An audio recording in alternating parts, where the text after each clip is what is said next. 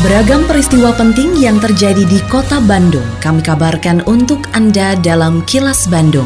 Diproduksi oleh LPS PR SSNI Bandung bekerja sama dengan Humas Pemkot Bandung yang disiarkan serentak oleh 40 radio anggota PR SSNI Bandung. Sejumlah informasi aktual kami hadirkan untuk Anda dan inilah informasi utamanya jumlah ASN Kota Bandung masih belum proporsional. Kota Bandung akan uji sampling swab siswa PTM. Belum 100% vaksin, pasar sederhana batal uji coba aplikasi peduli lindungi. Saya, Santika Sari Sumantri, inilah kelas Bandung selengkapnya. Wali Kota Bandung, Oded M. Daniel, melepas sekitar 30 orang aparatur sipil negara atau ASN Kota Bandung yang memasuki purna bakti atau pensiun. Oden mengungkapkan proporsi antara ASN yang pensiun dengan pengangkatan ASN baru masih jauh dari mencukupi. Namun karena pengangkatan ASN masih wewenang pemerintah pusat, maka kota Bandung hanya bisa mengusulkan kuota yang dibutuhkan. Odin mengatakan idealnya ASN di kota Bandung sebanyak 20 ribu orang, tapi yang baru terpenuhi saat ini sekitar 14 ribu personil. Teman-teman dengan ASN kota Bandung siap untuk apa namanya melakukan purna bakti ada sekitar 30 ya. Ini hitungannya September sampai Oktober sangat kurang, tapi memang dari hitungan 20 ribu ya idealnya itu masih kurang. Pemerintah Kota Bandung akan melakukan tes swab terhadap siswa di sekolah yang menggelar pembelajaran tatap muka terbatas atau PTMT. Wakil Wali Kota Bandung Yana Mulyana mengatakan tes swab COVID-19 hanya dilakukan secara sampling. Jika hasilnya 1% positif, maka PTMT tetap dilanjutkan. Tapi jika hasilnya lebih dari 5%, maka sekolah yang PTMT akan ditutup. Yana mengatakan pelaksanaan tes swab tersebut belum bisa dipastikan waktunya, namun sejauh ini PTMT di Kota Bandung masih berlangsung aman. Jadi kalau sekarang sekolah ada berapa itu diambil 10 persen. Jadi nanti dilihat kalau prosentasenya di bawah satu persen masih terus, tapi diambil yang ininya. Nanti kalau 1 sampai 5 itu kelasnya nggak boleh masuk. Tapi kalau di atas 5 persen hasilnya sekolah itu ditutup. Kurang lebih mau begitu. Tapi sampling, jadi nggak diambil semua kan sekarang kita udah 1.600 nih. Hanya diambil 10 persen.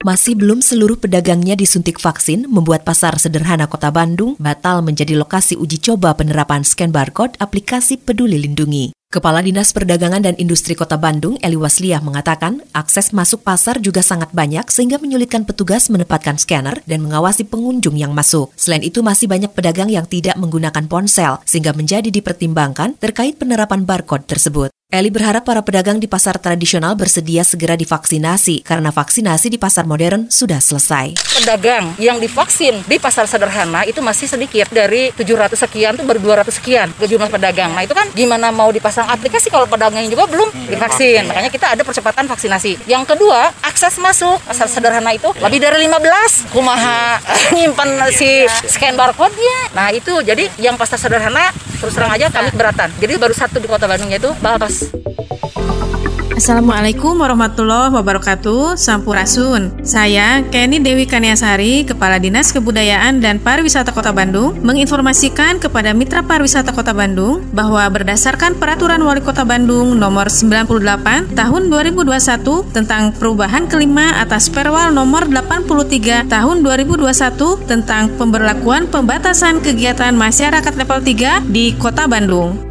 Kegiatan atau event dan atau konser seni, musik, budaya diperbolehkan dilaksanakan tanpa penonton atau secara virtual dengan kru dan talent yang hadir paling banyak 30 orang dan pihak penyelenggara wajib menggunakan aplikasi Peduli Lindungi untuk melakukan screening bagi kru dan talent yang hadir. Untuk penyelenggaraan pernikahan diperbolehkan melaksanakan resepsi baik di rumah, gedung, atau hotel dengan ketentuan dihadiri paling banyak 20 undangan setiap sesi dan waktu paling lama 1 jam setiap sesi tidak mengadakan makan di tempat dan menerapkan protokol kesehatan secara ketat.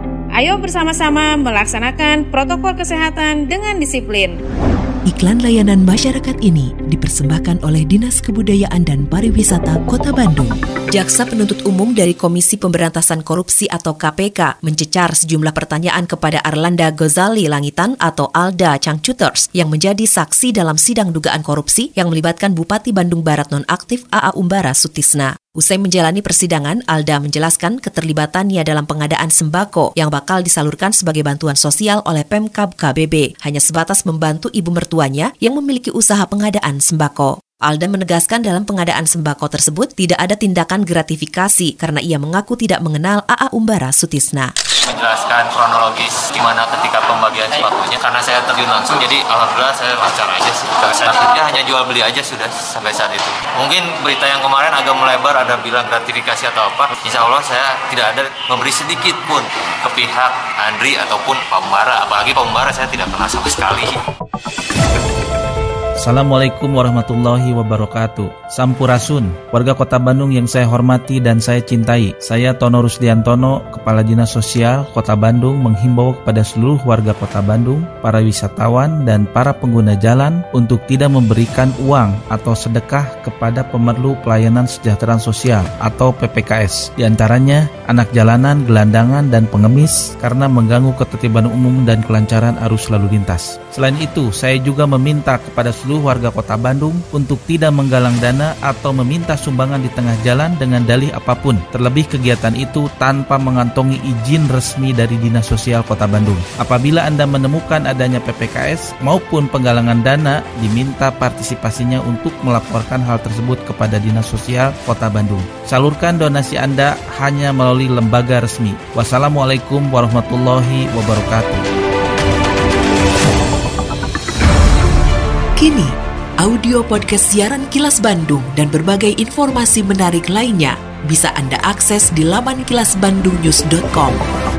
Sejumlah lembaga terus lahir dan berkembang untuk menjadi jembatan kebaikan bagi masyarakat Indonesia. Salah satunya adalah almasoleh.com. CEO Almasoleh Irfan Syahrianto mengatakan usia 2 tahun menjadi momentum bagi pihaknya untuk menguatkan fondasi organisasi, tim dan layanannya agar bisa menjaga serta meningkatkan kepercayaan masyarakat Indonesia. Irfan Syah menyatakan ada tiga program unggulan yang terus dilakukan Alma Soleh, yaitu penyebar luasan Al-Quran, pengembangan masjid, dan pendidikan santri. Program unggulannya dari Soleh.com itu sendiri, yang pertama Al-Quran inilah yang menjadi kitab sucinya umat muslim. Nah harapan kita kita bisa mendistribusikan Quran beserta terjemahannya saat ini. Terus yang kedua itu masjid, harapan kita masjid inilah yang menjadi pusat-pusat peradaban baru. Yang insya Allah masjid ini memberikan kebaikan-kebaikan daripada masyarakat yang di sekitarnya. Yang ketiga adalah santri, karena santri inilah yang insya Allah menjadi bibit-bibit terbaik untuk negeri ini.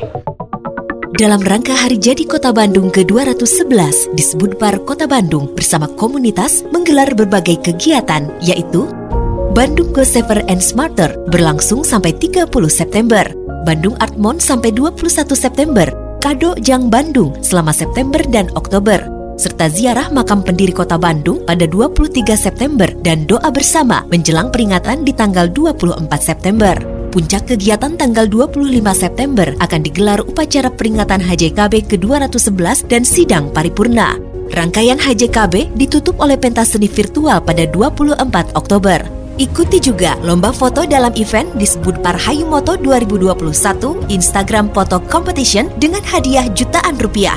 Selain itu ada pameran virtual juga disebut par playlist atau panggung musik dari rumah dan masih banyak lagi event menarik lainnya.